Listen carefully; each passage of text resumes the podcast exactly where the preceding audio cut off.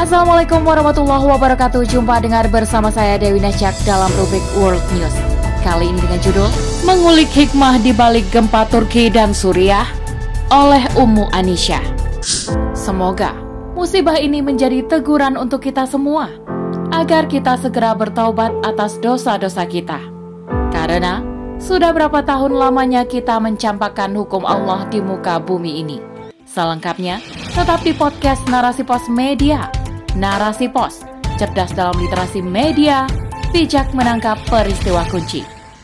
Inna lillahi wa inna ilaihi roji'un. Gempa dahsyat dengan kekuatan 7,8 magnitudo mengguncang Turki dan Suriah pada Senin 6 Februari 2023. Menurut laporan, gempa ini berpusat di 30 km barat kota Gaziantep dengan kedalaman 17,9 km. Diketahui, Kota ini dihuni sekitar 2 juta orang. Gempa terjadi pada pukul 4 dini hari saat penduduk masih tertidur. Pada siang harinya, muncul gempa kedua dengan kekuatan yang hampir sama. Dalam waktu 24 jam terjadi puluhan gempa susulan.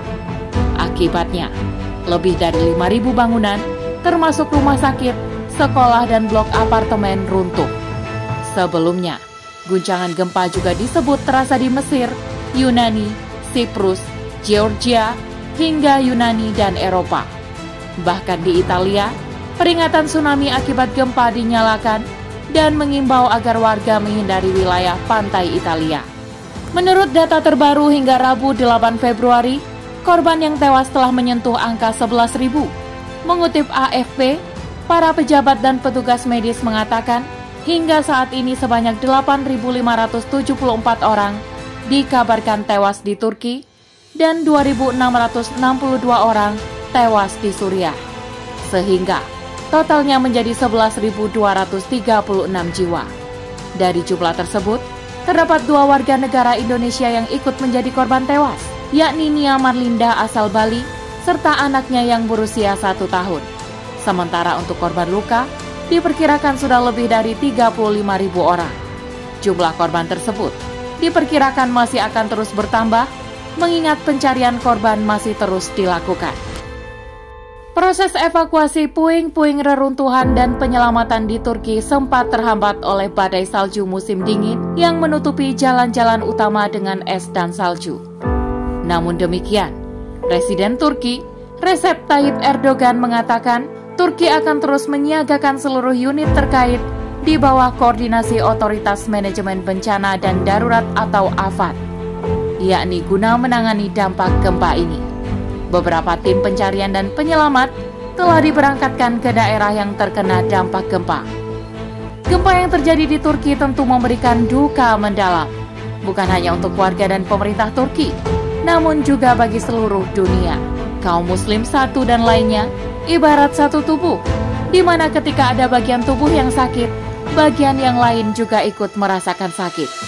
Itu artinya Musibah ini adalah musibah bagi kita semua. Pastilah ada hikmah, pesan, maupun teguran yang ingin Allah sampaikan kepada kita semua melalui musibah ini.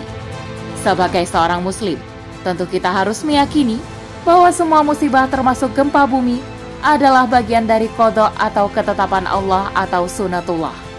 Musibah ini berada di luar kuasa manusia. Artinya, kehadirannya tidak akan pernah bisa ditolak oleh manusia. Seorang muslim wajib mengimani bahwa semua itu adalah ketetapan Allah.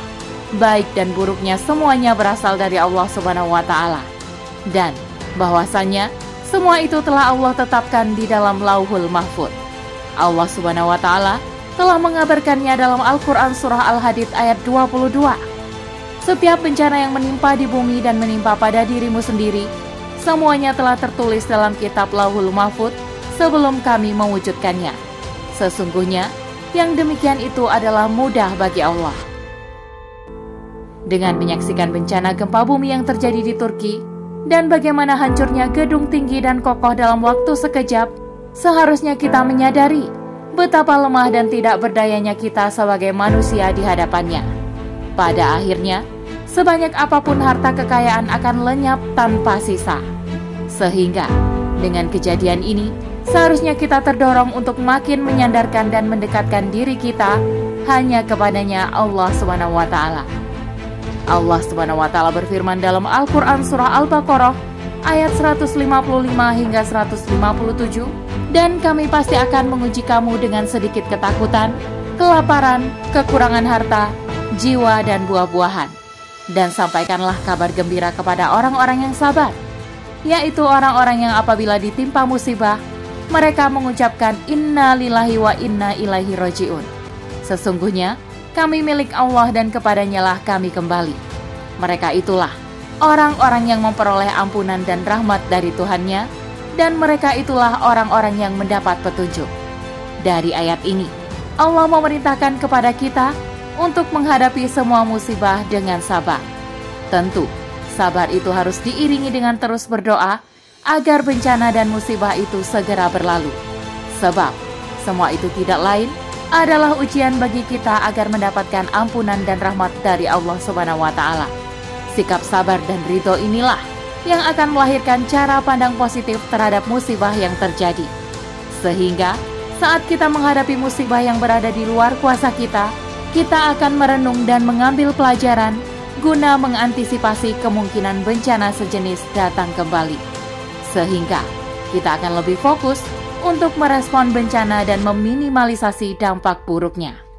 Setelah meyakini dan ridho akan ketetapan Allah, kita pun wajib meyakini bahwa selalu ada hikmah di balik semua kejadian.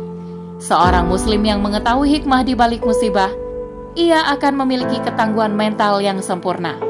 Selalu berhusnuzon kepada Allah bahwa salah satu hikmahnya adalah Allah hendak mengampuni dosa-dosa kita. Bahwasanya Allah Subhanahu wa taala berjanji, tidaklah seorang muslim tertimpa musibah, tertusuk duri atau lebih dari itu kecuali dengannya Allah akan menghapus sebagian dosanya. Bisa jadi, bencana atau musibah juga Allah tetapkan sebagai bahan untuk muhasabah, merenungi ketika selama ini masih ada kemaksiatan yang kita lakukan. Selama ini, kita menyatakan pengabdian yang totalitas dan tinggi kepada Allah, mengaku ingin mengikuti dan meneladani Rasulullah sebagai bukti kecintaan kita kepadanya.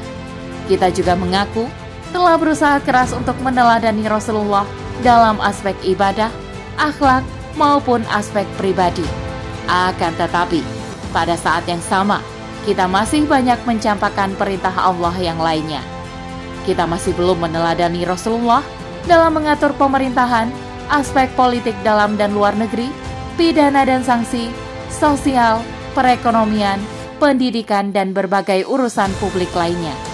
Dan beberapa waktu lalu, Ketika kitabullah dibakar di depan umum, kita tidak bisa berbuat apa-apa untuk membelanya, selain hanya mengutuk dan mengecam. Astaghfirullahalazim. Semoga musibah ini bisa menjadi teguran untuk kita semua, agar kita segera bertaubat atas dosa-dosa kita. Karena sudah berapa tahun lamanya kita mencampakkan hukum Allah di muka bumi ini. Kemudian kita menyegerakan diri untuk kembali ke jalannya dan semua aturannya demi mendapatkan kehidupan yang berkah di dunia dan akhirat. Dan sekiranya penduduk negeri beriman dan bertakwa, pasti kami akan melimpahkan kepada mereka berkah dari langit dan bumi. Tetapi mereka mendustakan ayat-ayat kami, maka kami siksa mereka sesuai dengan apa yang telah mereka kerjakan. Quran Surah Al-A'raf ayat 96 Wallahu a'lam bisawab. Demikian rubrik World News kali ini. Sampai bertemu di rubrik World News selanjutnya. Saya Dewi Nasyak undur diri. Assalamualaikum warahmatullahi wabarakatuh.